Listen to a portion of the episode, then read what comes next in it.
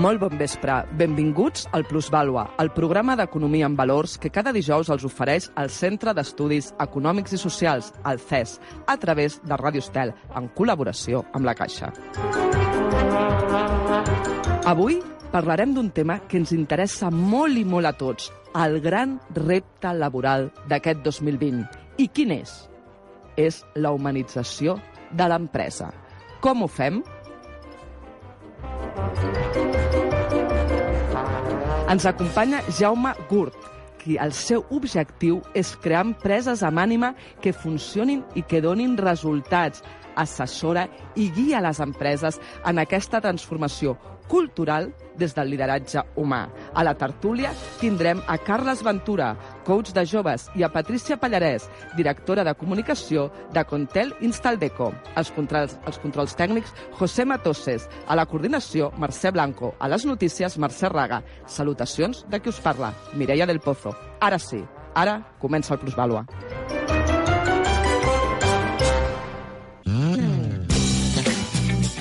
A la Fundació Bancària La Caixa fa anys que estem compromesos amb cada comunitat, amb cada ciutat, amb cada lloc on algú ens necessiti. Un compromís que ens ha dut a ser una de les fundacions més grans d'Europa. Obra Social La Caixa, l'ànima social de la Caixa.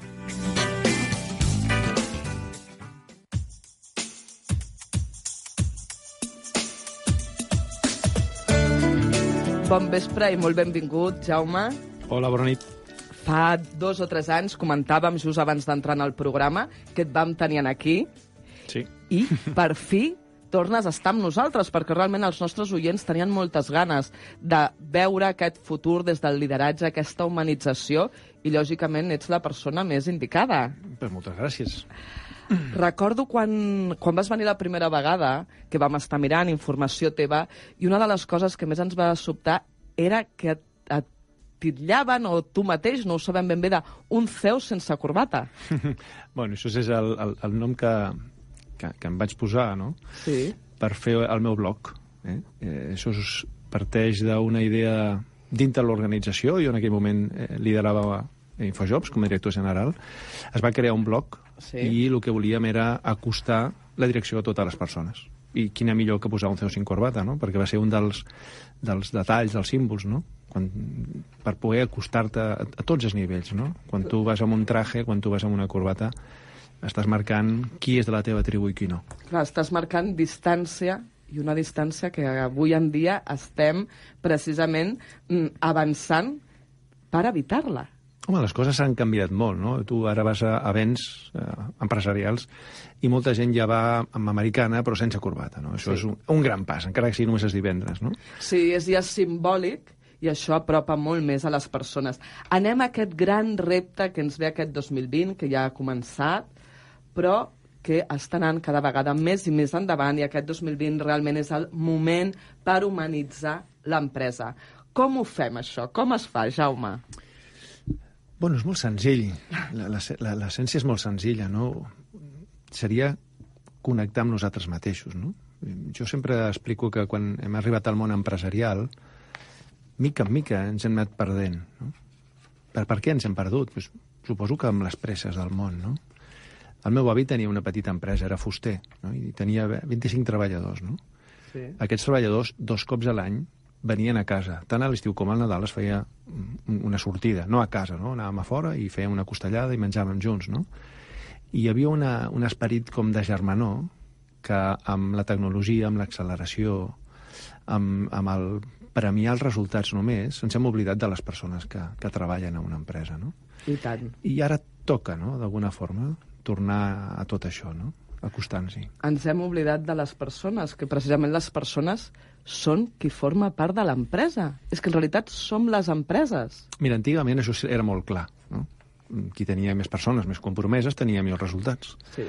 Quan ha arribat la tecnologia, semblava que qui tenia millor tecnologia, independentment de les persones, podia, eh? I, i amb això es va anar perdent, no? I la crisi es va fer molt mal. La crisi, Sí. quan va arribar el 2008, eh, va deshumanitzar totalment a l'empresa, no? Era com la tecnologia m'ho pot suplir. I això és el que està passant cada cop més, no? Els robots, les màquines, la intel·ligència artificial, tot això ens està empantant cap a un món que sembla que les persones no tinguin un lloc, no? I la meva mirada és tot el contrari. I si ens hi, ens hi parem a pensar, és tot el contrari. Per què? Pues perquè les màquines és un temps que eh, és un tema, una qüestió de temps de que tothom tingui les mateixes màquines. I el que marcarà les diferències són les persones que, les, que estan a dintre, no? Per tant, tu em preguntaves abans, i com es fa això, no? Clar. pues, es fa de, de mil maneres simplement siguent humans. Què vol dir ser humans? Pues mira, vol dir escoltar. Sí. Vol dir tindre un cert temps per les persones, no? Les persones, des de que naixem, el primer que, que fem quan, quan naixem és, és plorar, no? I plorar vol dir estic aquí, vull que em mirin, vull que em vegin, vull que em facin cas, no? Sí. I això ens acompanya tota la nostra vida. Eh? I per què no a dintre l'empresa? Per tant, aquests petits espais no? de, de tindre temps per mirar les persones, veure-les, escoltar-les, preocupar-nos per elles. És tan senzill com això, no? El que passa és que això va vinculat al lideratge. Eh, I jo el que veig és que hi ha una por molt gran, no? Sobretot en els líders, amb els directius, no? Amb els mandos, no? Sí, perquè hi ha hagut també un canvi molt gran a la manera de liderar. Bueno, ens hem convertit en màquines, no? Màquines que ens han donat eines, no? Hi ha una cosa que es diu coaching, no? Que, que jo crec que ha fet més mal que bé en aquest món empresarial, no? Perquè ara tots són coach, no? I en vez d'acompanyar només fem preguntes. I quan tu fas preguntes només et falta el foco i et converteixes en un inquisidor, no? Sí. I les persones no, des d'allà no connecten, no? I és Clar. tan senzill com connectar des de l'ànima. Pregunta't, no? Pregunta'ls amb elles. Mira-les de veritat, estiva-les.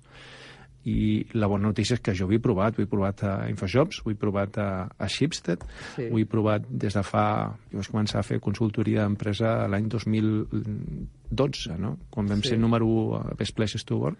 Sí. I, i passat per molts sectors.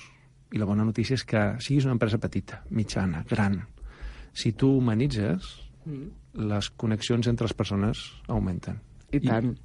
I aleshores els equips treballen molt més bé i els treballadors se senten part de l'empresa. Per tant, l'empresa acaba sent més rentable. Aquest és el secret, Mireia. Hi ha un, una persona que va fer un estudi fa uns quants anys que es diu Marzal, Marcial Losada, no? Sí.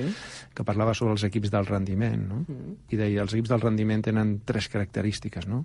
Una és la proporció que hi ha de comunicacions positives i negatives, no? sí. Què vol dir positives i negatives? Vol dir que, que ho faig des d'una mirada cap a l'altra o una mirada egoista només cap a mi, no? Eh, el segon factor era la connexió que es produïa entre les persones. I la connexió ni es compra amb diners, ni es fa amb màquines, sinó que es fa des de l'ànima. I tant. Eh? I si no, només fa falta mirar pues, els bomberos, eh, les urgències, els equips d'èlit de, de l'exèrcit, què tenen en comú? Connexions humanes de confiança. I tant. I la tercera? La tercera és... Eh, un és positiu o negatiu, l'altre és la, el vincle, i la tercera és... Eh, Bueno, ah, ja, ja te la buscaré. ja sortirà, ja sortirà, no hi Ja ha sortirà. problema, ja sortirà, i tant, que si és el que té els directes. Eh, Jaume, com unim cor i cervell Mm. perquè l'empresa sigui rentable? Que és la gran por sovint de l'empresari. Sí, la por que hi ha és... Fins ara han manegat les organitzacions a través del cervell. Sí. Sí. I ens ha anat bé. Eh? Sí. Quin és el, el factor diferencial? A l'entorn.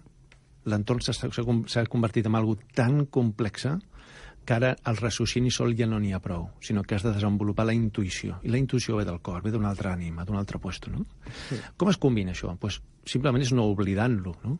La gran por que jo veig amb els directius és, si fins ara m'ha anat bé, no sabré fer-ho en l'altre costat, no? Hi ha una por, eh? quan jo parlo de felicitat a l'empresa, la gent si, es pensa que allà ningú treballa, que allà es centra i es fa el que es vol, no? Es, es pensa en l'anarquia, no? Sí. I, i, I està molt lluny, no? Quan tu aconsegueixes que les persones es comprometin i, i sentin que allò que estan fent és més que una tasca, sinó que tenen un propòsit, no? Que tenen una finalitat Sí. i que vibren amb això, allò ja no és una feina, allò és un hobby, no?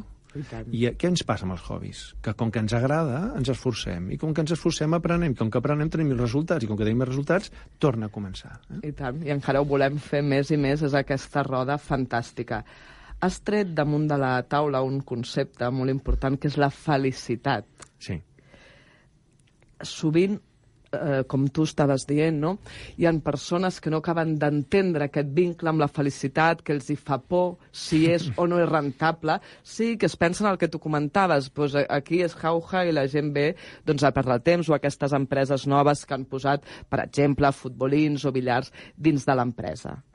cada vegada també s'està buscant més el que és el Això és director estètic, de felicitat. Eh? Això és estètic. Sí, sí, per això explica'ns una mica. Sí, mira, eh, si tu mires la definició de felicitat, uh -huh. Mhm. el que diu és la sensació que té un ésser humà quan aconsegueix allò que volia. Clar, dius, sensació humana, això ja ens humanitza. Eh? Sí. Segona, quan aconsegueix, això és, està molt fàcilment connectat amb l'empresa, o aconseguir uns reptes, aconseguir uns resultats, no? Sí. Però el més potent és l'últim, no? Quan aconsegueix allò que ell volia. Això és el que marca la diferència. Ens hem cregut que amb diners podem obligar a les persones a fer el que nosaltres volem. I ho fan des de la mecanització, no des de l'ànima. Quan tu realment aconsegueixes que aquell objectiu el defineixi ell, se'l faci seu, li dongui forma i propòsit, això funciona. Llavors, jo ho, ho he vist, ho he viscut, i, i puc donar fe de que és un procés, evidentment, però el que passa és, és màgic. Per què? Sí, perquè el- els directius, en el fons, quan tu els hi preguntes, a tothom, eh? quan jo faig conferències, jo pregunto qui vol ser feliç a la vida? Tothom aixeca el braç. Clar, A qui li agradaria ser feliç a l'empresa? La majoria. Llavors, per què no ho som? clar. Eh? El que passa és que has de vincular aquesta felicitat amb l'esperit d'arribar, de superar-te, d'aconseguir individual i col·lectivament. I tant. Aleshores, tu que fas aquest assessorament, aquestes conferències, quin és el paper del formador o del guia en tot això? Perquè, Bueno. clar, ca- cada equip és diferent, cada Sí. realitat eh, varia. Aquesta, aquesta, aquesta és la, el gran secret. No? Jo estic en diversos màsters i, i programes de, de transformació cultural Sí. i la majoria de gent que ve ve amb una llibreta esperant que allà se li doni una recepta, no? perquè fins ara ha sigut així. No? Em dono una recepta i me l'emporto a casa, l'implemento i funciona. No? Sí. Això no és així, no? Eh, eh, sinó que cada empresa està formada per persones diferents, que han tingut vivències diferents, d'entorns diferents, amb una història diferent. Això vol dir que sí hi han unes pautes generals, però no es pot aplicar exactament igual. Aquí, quin és el rol que, que fan persones com jo, no? Primer, fer de mirall, no? Perquè a vegades és tan fàcil com mirar-nos al mirall. Eh? El que passa que ningú ens ho posa. Eh? Jo em trobo moltes vegades, jo sempre que entro, el primer que faig és fer un diagnòstic, perquè una cosa és el que tu m'expliques i l'altra és el que hi ha que no vols veure, o que no pots veure, o que no saps veure. No? Sí. Amb aquest diagnòstic el que em passa a vegades és que quan tu poses el mirall davant de la direcció general o, o davant d'un un líder, no? d'un líder d'equip o un directiu, em trobo amb persones que el que veuen no són capaços eh, de sostindre, o no, són, no se senten prou valentes com per dir, "Ep, és veritat. De reconèixer-ho. De, de reconèixer-ho. Ho saben, eh? Perquè tu ho veus en els ulls, no? Però és allò que millor amagar-ho al calaix, no? I, i bueno, ja ho veurem, no? Bueno, doncs allà s'acaba la nostra història d'amor. Però n'hi ha d'altres que sí. I quan ho, ho veuen i ho posen sobre la taula, la meva labor és acompanyar-los, dotar-los d'eines. Perquè a vegades el que ens passa és que, a pesar de que ho veiem, no sabem com gestionar-ho, no? Clar. I abans t'ho deia, no? Quan parlem de liderar la felicitat, Mm. el, la gran pregunta dels líders és com ho faig per moure el meu equip, no? Clar. I els has de donar eines. Llavors, els hi tens que donar eines. A vegades els tens que inspirar. A vegades és acompanyar-los en el sentit de proposar-los idees, enriquir-los, obrir-los la ment per veure no? que es poden fer d'una altra manera. Hi ha una altra labor addicional que és la d'entrenar-los. Quan tu ja tens aquesta habilitat, tens aquesta, aquest coneixement, Sí. l'has d'entrenar. Si tu vols... Eh, tu, eh, algú que molts cops, eh, com vas per les empreses, succeeix, no? Et diuen, aquí les persones són molt importants. Ah. I la pregunta és, i què feu per les persones? Oh, fem moltes coses. Bueno, digue'm algunes, no? Pues, I comencen a enumerar una sèrie de coses que són físiques. Eh? I tu els hi preguntes, i tens espais definits per escoltar-los? Ah, no, això no fa falta. Com que no fa falta? Si això és el més important, no? Els hi preguntes per prendre certes decisions? Ah, no, ells tenen que fer la seva feina. Llavors, com vols que ho facin SEO, no? I tant. vaig estar en una empresa que em deia, el director general, director, director de recursos humans em deien mira, eh, tenim un problema i volem, volem que ens ajudis i és que tenim un equip de, per, de, de persones que es comporten com a nens, no? Ah, molt bé. I com els tractes, tu? Doncs pues com a nens, perquè, clar, ah, pues si es tractes com a nens, d'aquí no en sortiràs. Tu, que ets el que està més, més a dalt, més elevat, que tens aquesta capacitat, surt d'aquí comença a comportar diferent i veuràs. Jo t'acompanyo, no? I, efectivament, vam començar aquesta, aquesta aventura i al cap de molt pocs mesos, eh, a poc a poc, l'organització va anar canviant, no? I estaven sorpresos, no? I, clar, perquè s'acaben notant aquestes, aquests canvis. Bueno, aquests canvis es noten de seguida. Eh? Eh, pensa que quan algú ve et posa el mirall i et posa les coses davant i no et deixa escapar-te. Eh? Clar. Al final, eh, jo ho tinc molt clar, quan jo entro en un lloc i poso el meu temps i la meva ànima, no? intento col·locar-ho en aquells llocs on hi hagi oportunitat, on veig que la persona o l'equip que està davant realment vol treballar, perquè si no volen treballar, doncs, jo necessito els diners com tothom, però la meva ànima només en tinc una, i Clar. l'he posat tot arreu.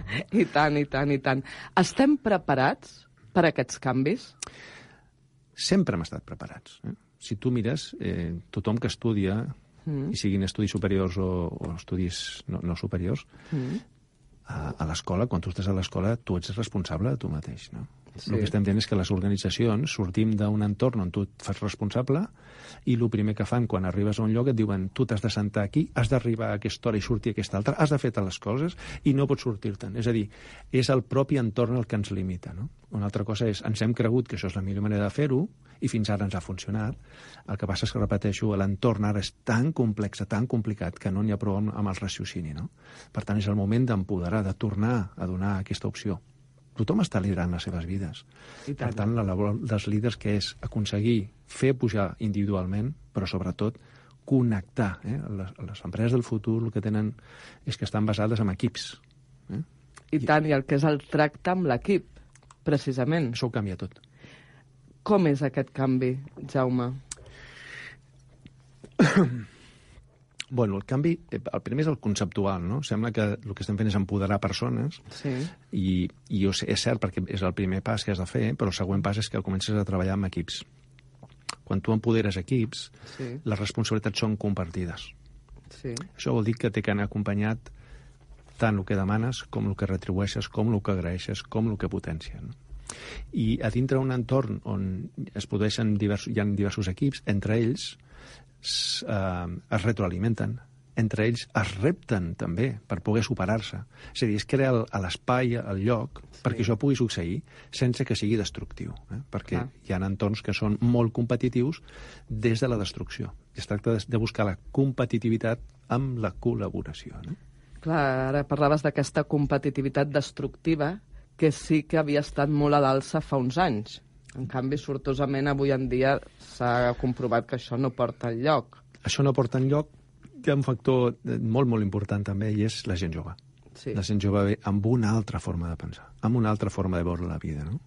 amb una altra forma de, de mirar i respectar els líders. No, no és el respecte per tal com tu m'ordenes, sinó amb, per tal com tu m'escoltes, per tal com tu m'atens, per tal com tu m'enriqueixes. Si tu comences a veure, són paraules uh -huh. que anirien més associats a un coach que no pas a un, a un líder, no? a un directiu, no? a un jefe. No? I tant. Aquest és el gran canvi.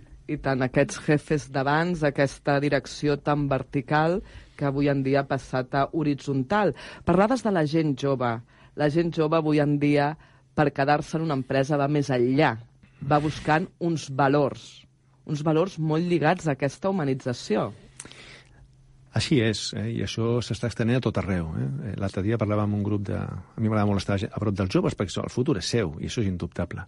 I parlava amb un grup de joves i ens deien... Es plantejaven quins tipus de producte comprar, no? I si tu mires, comencen a haver-hi productes certificats, ecològics, respectuosos amb el món, tot això, parla de valors, no? Sí. Cada cop més els diners no n'hi ha prous. Per què? Perquè al final el que està passant és que les empreses es, estem creant un entorn mileurista, amb- que no poden viure, tenen que seguir visquent amb els pares. Per tant, si has de triar això, es prefereixo triar algun lloc on, a més a més, em donguin alguna més. Em facin sentir humà, em facin sentir persona. Molt important, vinculat amb els joves, és el tindre uns espais per poder ser ells mateixos, no? cosa que en els entorns empresarials tradicionals no existeix. No, no. Llavors, aquí és, fixa't, l'entorn està canviant, la gent jove, que és la que està pujant, ve amb una mentalitat diferent, i els que es troben al mig són els actuals responsables caps, no? Sí. que estan entremig, no? De, de què fem, no? Fem el canvi? No el fem? Com el fem? Qui ens acompanya? De quina manera? Seré capaç? Aconseguiré els resultats que volia?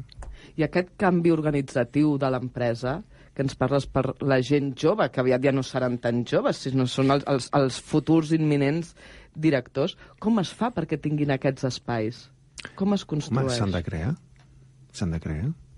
Eh, fa uns mesos estava en una empresa que tenia greus problemes a l'hora de captar joves, no? Sí. I em deien, ostres, tu ens pots ajudar, no? Jo? Qui sóc jo, no?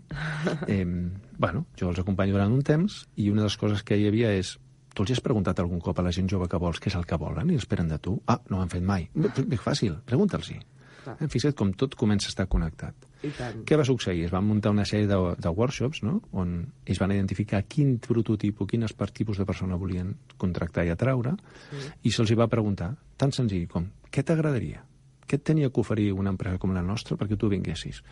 D'allà van sortir una sèrie de coses que algunes eren possibles i altres no. Doncs pues comença amb les que s'hi pots. No? Clar comença, és tan fàcil com això. Tot és molt més senzill, no? Ens han enganyat, no? Sí, a vegades ho compliquem tot massa, és molt més fàcil si li preguntem a les persones de forma directa què és el que volen, què és el que esperen i d'aquesta manera els hi podem donar i oferir, perquè d'aquesta manera arribem al benestar. El benestar tant personal mm. com de l'equip i al cap i a la fi corporatiu. Saps què passa, Mireia? Que a vegades hi ha por, no?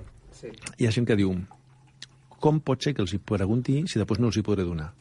Bueno, primer... Ho hem d'intentar. Primer averigua, no? Dona't l'oportunitat. I és possible que de les 10 coses que et demanin n'hi hagi dos que sí i 8 que no. Però aquestes dues ja serà una diferència. Segon, ja els hi hauràs preguntat, els hauràs fet partíceps, no? I a partir d'allà ja és la teva responsabilitat veure com pots treballar per donar-los al cap de sis mesos, d'un any o de dos. No ho sé. Però t'està marcant un rumb. Perquè indubtablement això cada cop et passarà més factura. No? Llavors, és un món totalment diferent al que tenim avui en dia, no? Sí, molt, molt diferent i, i on han, van entrar amb moltíssima força els robots. Bueno, els robots, la intel·ligència artificial està substituint molts llocs de treball, no? Clar, que és també una de les grans pors. Sí, però això no ho podem parar. Bueno, però precisament, si estem parlant d'humanització, si realment les empreses s'humanitzen, no hem de tenir por. Però saps què passa? Les, les empreses tenen por eh, les empreses hi ha, a davant, al front, hi ha persones humanes. I la, la primera por que tenen és a no saber què fer-ho. La segona por que tenen és a no aconseguir els resultats que volen. No? La tercera por és eh, tot el vinculat amb la tecnologia. Sí. Llavors, hi ha moltes pors en joc. El que està clar és que amb tantes coses en canvi, o tu comences a canviar, o quan te'n donis compte serà una mica tard. No? I llavors sí que tindries que tindre por, no? És un moment on la por ja no és una excusa, no? Eh, hi havia un moment on equivocar-te eh, era un problema. Avui és al revés, és equivoca't lo abans possible perquè és més perillós quedar-se quiet que equivocar-se. I, tant. I aprendre, això sí, has d'aprendre, perquè si t'equivoques i no aprens, malament. Però si t'equivoques i aprens, això és menys perillós que no fer absolutament res. No? Per què? Perquè el canvi està dins de la societat una, a una velocitat tan gran que els aprenentatges seran constants. No? Sí, tant, absolutament, absolutament d'acord. Amb l'entrada dels ODS, mm? realment s'ha vist un canvi empresarial per part dels directius, de les direccions, per posar-se al dia? Mira, hi ha voluntat. És perquè tot realment va molt lligat. Sí, sí, amb aquesta humanització, amb aquests valors, amb aquesta manera de lligar la gent jove i els propis treballadors. Tot, tot, tot està junt, no? Això és, una, és un altre factor, no? Que és justament el que està fent que el món sigui més complex. Tot està connectat, no? Joventut, ODS, planetes, resultats, empreses, societat, no? Robots, intel·ligència artificial, no? Eh, tu preguntaves si s'ha notat un canvi, no? És cert que és un bon full de ruta, i aquelles empreses que, que poden i que se senten més properes en això sí que d'alguna forma intenten agafar-ho com una eina, un mapa, per començar a fer coses, no? Però, clar, els governs estan també molt lluny d'això, no? I, sí. I sembla que és un mapa que, que no tothom està respectant i fent servir de la mateixa manera. Li falta força, des del meu punt de vista. Li falta força, però esperem que, com que és l'agenda 2030, encara hi ha aquests 10 anys de marge per aconseguir els objectius. Per tant, s'acabarà... S'han de posar les piles. No, no, absolutament, absolutament. Perquè... El tema ha de ser ja. Per això dic que aquest any, el, el 2020, és el, el gran repte que tenim per poder arribar d'aquí 10 anys a complir els objectius. Si no ens hi posem ara, doncs serà molt, molt difícil. Però tu ja ens deies que sempre hem estat preparats i, per tant, ens hem de quedar amb això que estem preparats i que podem fer-ho.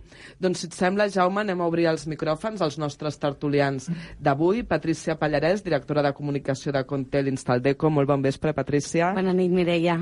I a Carles Ventura, coach de joves. Bona nit i molt benvingut, Carles. Hola, molt bon vespre, Mireia. Doncs cada un des de la vostra perspectiva, un del món de l'educació, dels joves, de guiar-los, i Patricia des del món de, de la comunicació. Tot el que ens parlava Jaume Gurt. Doncs el, el, Jaume a mi m'ha deixat sense paraules perquè tot el que diu ho subscriveixo al 100%. Realment ha estat parlant de conceptes molt interessants i jo portava una paraula al cap avui per, per, per aquesta tertúlia que tenim ara Sí. i la paraula era humanització. Perquè quan parlem del futur, de la maquinària, la intel·ligència artificial, el machine learning, tot això, on podem nosaltres diferenciar-nos d'això? I és sent humans. I tant. Aleshores, tot el món de l'ensenyament, el tracte amb els joves, les empreses, tot ha de passar per destacar i reforçar tota la part humana que tenim, amb totes aquestes característiques, soft skills, valors, ètica, tot això que, com dius tu, ja el tenim, ja està dins. Però hem de potenciar, hem de reforçar, perquè ha sigut molts anys de picar pedra i de compte de resultats, curt termini, el trimestre, etc. I hem d'educar també des del principi a connectar-se, descobrir-se i saber qui som. I tant que sí. Bueno, jo realment em sembla super interessant que justament hagis tocat aquest tema, no? Perquè jo porto mesos donant-li voltes a la idea d'aquest concepte, no? De quan neixen ofertes de treball a LinkedIn i et fiquen, bueno, doncs que et donaran l'esmorzar, et posen el cafè, donen l'aigua... I jo que vinc del sector de les startups, eh, se'ls oblida moltes vegades, concretament a startups, però també m'he trobat amb, amb multinacionals, amb pimes, és igual, però justament a les startups. He identificat que se'ls oblida coses importants, que són el lloc de treball. La cadira en la que et passes tantes hores treballant, l'espai de treball, la taula, la llum, la reverberació acústica... O sigui, temes que realment, si en lloc d'invertir amb coses que, perdona, jo prefer... a mi no m'importa portar-me el cafè de casa ni comprar-me l'aigua, que està molt bé com, com un al·licient, no?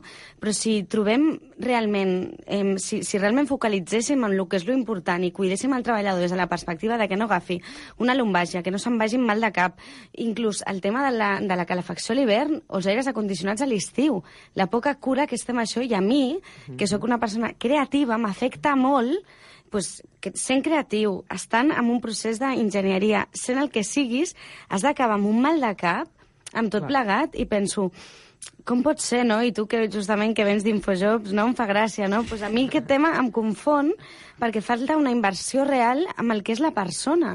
Al final, 200-300 euros de més en un lloc que en un altre, segons com estigui plantejat l'espai de treball, a mi em fa, jo que sóc millennial, purament millennial, i no per anar a la meva bola, com ens defineixen alguns mitjans de comunicació, i em sap greu, no? Però bueno, hi ha de tot, et trobes de tot. És curiós, i m'agradaria, no?, que les L'espai empreses... és fonamental, eh? L'espai és... Creus que les persones o la gent jove va mirar aquest espai de treball on treballarà? ens és super bàsic, és algo super important.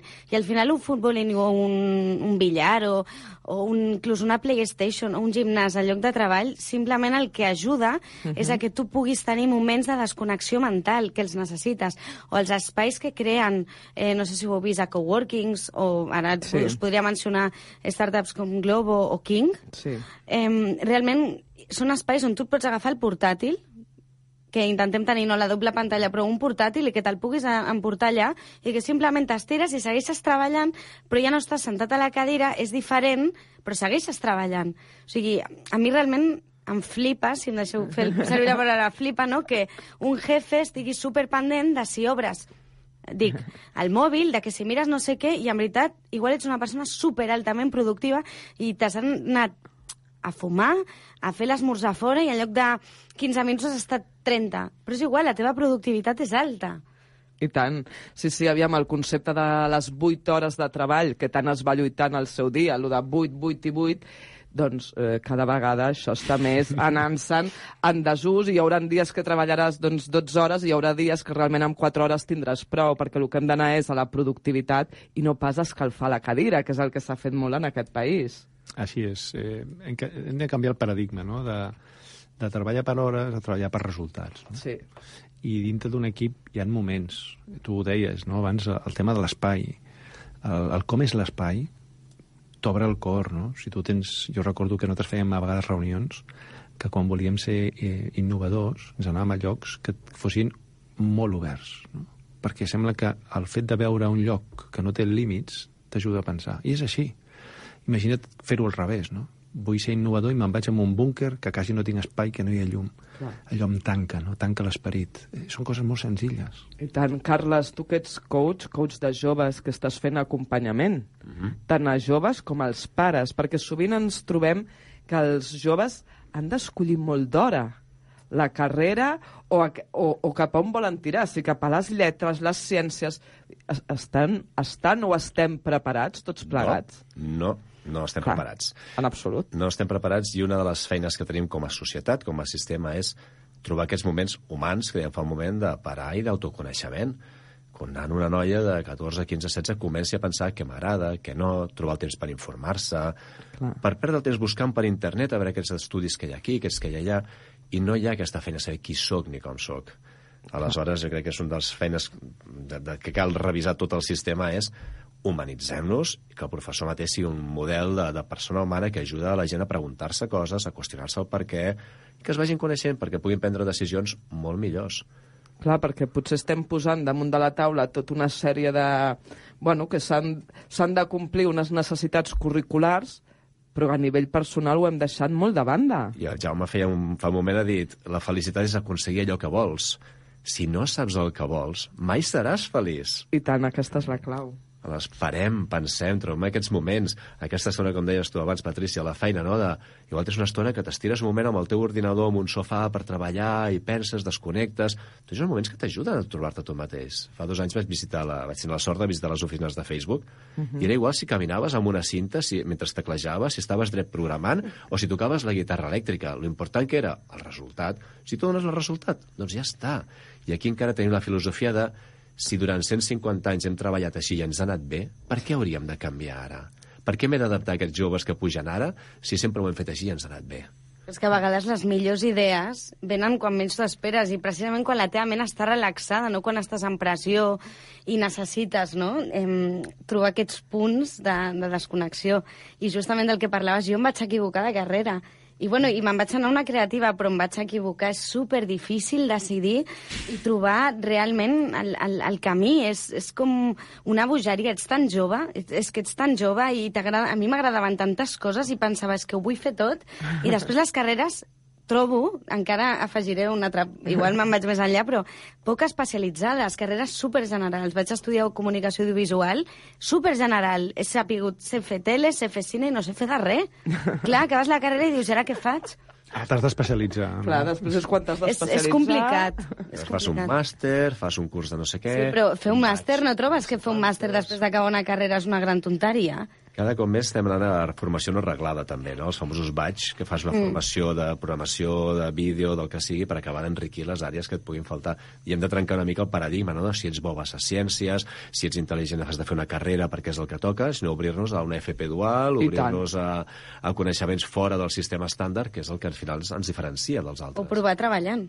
Jo, jo crec que tu, Carles, has donat la clau, no? que és el poder parar. No? Sí. Sembla que aquesta societat anem tan de pressa no? Que, que, que no podem baixar-nos del carro. No?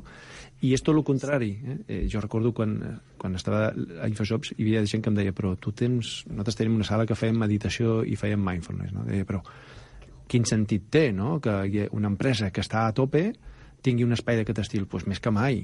Tu agafa els pilots no? de, de, de Fórmula 1 i igual que s'entrenen físicament, hi ha, un, hi ha un entrenament mental de poder tindre la consciència present en aquell, en aquell instant. Això ho entrenes o no ho tens. Llavors, el trobar aquests petits espais per poder parar, per poder allunyar-te, per poder reflexionar, això li pots dir mindfulness, li pots dir jugar a, a, a, el que tu vulguis, però necessites un espai, i sobretot l'autoconeixement. La gent no té temps per conèixer Si no et coneixes, si no saps el que vols, si no saps cap on vas, no arribaràs mai on vols, estàs perduts. Jo veig molta gent jove que està perduda, no? I amb la tecnologia, perdona, eh, Mireia, i amb la tecnologia això se'ns ha disparat a mil. Sí, sí, Per aquells totalment 10 minuts que abans t'avorries, o a l'estiu que no tenies res a fer i estaves tirat a sota un arbre, avorrit, no sabies què fer, ara el tens ocupadíssim, rebotant de xarxa en xarxa, i no pares aquest moment que... Igual això és un gran problema, que ara ja no sabem avorrir-nos. Això es passa Sí. sí. com amb els nens petits, no? Quan els hi regalem joguines, amb què estem pensant? Amb que el nen no molesti o amb que el, o amb que el nen realment activi aquesta part del cervell, que és la creativitat, i només l'actives quan t'avorreixes. En, en el teu llibre Coaching a Jóvenes i Famílies, Carles, que justament abans d'ahir vas, fer la, vas fer la presentació, ens parles de temes molt importants amb aquesta gent jove, com és l'autoestima, com és el prendre les decisions. Sí, i la responsabilitat. I que tant. sempre que parlem de joves, l'autoestima sí que és molt visible, que hi ha un problema, i per això intentem caure bé a tothom entre les xarxes i els likes, etc. Mhm. Però la part de, de, de poder... Em, Se m'ha anat el. Ser responsables. Ser responsables, l'accountability, que en diu el món del negoci, no? Clar, si tenim uns pares que en tot l'amor del món els hem cuidat tant, els hem estimat tant, que no han volgut que tinguessin cap entrebanc ni cap dificultat i que no es traumatitzessin, clar, com els hi podem demanar després que agafin la responsabilitat d'un lloc de treball, que, que agafin la responsabilitat d'uns estudis? Si arribem a la consulta del coach i li diem eh, estem aquí perquè n'hem suspès set, qui els ha suspès, el nano o els pares? No? Hem suspès, hem de triar estudis. Desempalleguem-nos una miqueta d'aquesta protecció de pares no? i comencem a deixar-los que agafin responsabilitat, que prenguin decisions, que és el que els ajudarà a, a poder desenvolupar-se en el món adult. I tant aquesta hiperpaternitat que ens estem trobant avui en dia. Mm -hmm. Exacte. El, ja fa dos o tres anys estem parlant del nou mercat laboral, d'aquest mercat on ara la Patricia també ens parlava, quan ella va haver d'escollir carrera, que probablement no tindrem només un sol treball al llarg de la nostra vida, ja no parlem d'una sola empresa, eh? això ja ho tenim més que superat, sinó una sola professió. Anirem estudiant diverses formacions, no només carreres, i ara, doncs, a lo millor, doncs, explicaré una cosa meva personal. Jo inicialment vaig estudiar dret i vaig exercir com a advocada, i al cap d'uns anys, doncs, vaig canviar i vaig passar al món de la comunicació. I la veritat és que a dia d'avui, que ja han passat molts anys, també vaig estudiar Direcció i Administració d'Empreses del tercer sector. I d'entrada, fa 15 anys, no ho entenia ningú. Us asseguro que a, a casa meva eren els primers sorpresos, però la gent els hi costava. I, en canvi, ja des de fa uns anys, Jaume, cada vegada més persones entenen que realment això és un puzzle i que està tot sumament connectat. Bueno, si t'has fixat, ja hi ha anuncis que com- comencen a parlar, no? Parlen de... de diu, d'aquí 15 anys o 20 anys, el 85% de les feines no, encara no existeixen, no? I tant. O sigui, això ja està sobre la taula. I el que està clar és que, igual que el món canvia, nosaltres tenim que canviar i tenim que adaptar-nos. I abans ho dèiem, tot està connectat. Això què vol dir? El que a tu t'ha passat és que tot està connectat. I tant. Si tu tires 20 o 30 anys enrere, eh, el món estava format per diferents espais que estaven no connectats i, per tant, eh, cadascun era totalment independent. Ara no. Ara tot està vinculat, les xarxes s'han connectat i ens han connectat la vida. Sí. Llavors, el saltar d'una cosa a una altra és constant. Sí. Això què significa? Que durant la teva vida laboral tindràs que aprendre, tindràs que fer moltes coses diferents. S'ha acabat treballar per una sola empresa, s'ha acabat fer una formació i ja, ja ho tinc, no? I tant. Sinó que el reciclatge constant, el actualitzar-te, el transformar-te, tot això serà el pa de cada dia. I, per tant, això és el que hem de començar a aprendre. I tant, i a les escoles ja s'ofereix aquesta formació? Carles? Ai, encara tenim un llarg camí.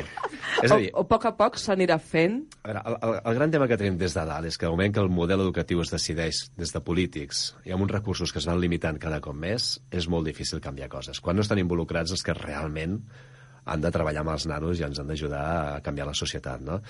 Aleshores, eh, jo crec que encara hi ha molt de camí. Abans parlaves tu de la paraula coaching, no?, com a gran... Ai, cuidado però sí que hi ha moltes eines del coaching que el professor ha de tenir, ha de poder tenir, per ajudar amb aquest nano a descobrir la seva passió, parlaves també de passió, no?, de propòsit, Sí. que el nano pugui trobar el seu propòsit, perquè quan tens un propòsit, l'ESO ja no és un paper que penges en una habitació. Clar. Ja és una cosa que t'ajudarà a un somni. I aquí canvien els ulls d'un nano. Quan comença a explicar-te que ell vol tenir una botiga de tatuatges. Jo no sé si tindrà una botiga de tatuatges o no, però sé que pel camí es motiva a seguir estudiant, a seguir formant-se, a seguir establint una sèrie de canals de comunicació amb la gent, a treballar amb equip, i això és el que l'enriquirà a la llarga. El professorat potser també necessita estar preparat per a aquest canvi. També els hi està venint una mica de nou, tot plegat? S'està intentant, hi ha moltes escoles pioneres, però al final pensa que tenim un currículum superple, hi ha una part burocràtica que s'ha disparat brutalment i que el pobre professor o professora està encara com dient, ostres, jo, jo vull estar pel nano i és, la, la meva feina realment seria aquesta i això els està costant molt mantenir-ho i mantenir la il·lusió i la passió que ells com a models pels nanos han de transmetre. Que el nano vulgui aprendre, que el nano vulgui estudiar. Tots recordem aquell professor que, que, o professora no? que un dia van dir no, no, i t'ho diuen, eh? jo vaig fer química perquè vaig tenir un profe de química segon d'ESO brutal. I això marca moltíssim. Sí, sí, Aquest jo, professor jo que liat. dedico la física, imagina't, per una Mira. profe que vaig tenir, no, no. Ah, i el És professor, tota la ara, el professor està tan liat que no té temps de transmetre aquesta passió perquè està pensant quan acabi d'anar a fer ara en plan un informe. Això que has dit ara de, de, de, la, de la part administrativa està passant també en el món laboral, no? Amb totes les eines, cada cop les empreses i els empresaris volen tindre-ho tot més controlat. I què està passant a la, a la gent, no?, que vibrava, no?, els metges, les infermeres, els, tothom, els està passant el mateix, que cada cop la tasca administrativa és més gran més necessària, el que ells veuen és que la seva passió no, cada cop tenen menys temps per poder-ho aplicar, eh, aquesta part no li veuen el retorn, perquè molts cops qui ho gestiona no ho gestiona des d'una informació que sigui útil i vàlida per a tu com a professional o, o el teu equip pugui millorar, sinó simplement per tindre controlat, i això és pervers, no? Perquè el que fa és robots, persones que van a treballar sense ànima, simplement amb una tasca per fer, acabar a l'hora que poden, i s'ha acabat, no? I tant, doncs està clar que hem d'anar cap a aquesta humanització, deixar fora les presses, buscar realment on està la nostra ànima i, per tant, l'ànima de tot l'equip per arribar al benestar corporatiu i d'aquesta manera que tota l'empresa tingui ànima. Escoltem, escoltem a les persones, tinguem temps per parar, que la nostra comunicació sigui positiva i connectem-nos connectem-nos amb nosaltres mateixos. Doncs fins aquí aquesta taula rodona d'avui parlant sobre humanització i anem a donar veu a la secció econòmica de la mà de la doctora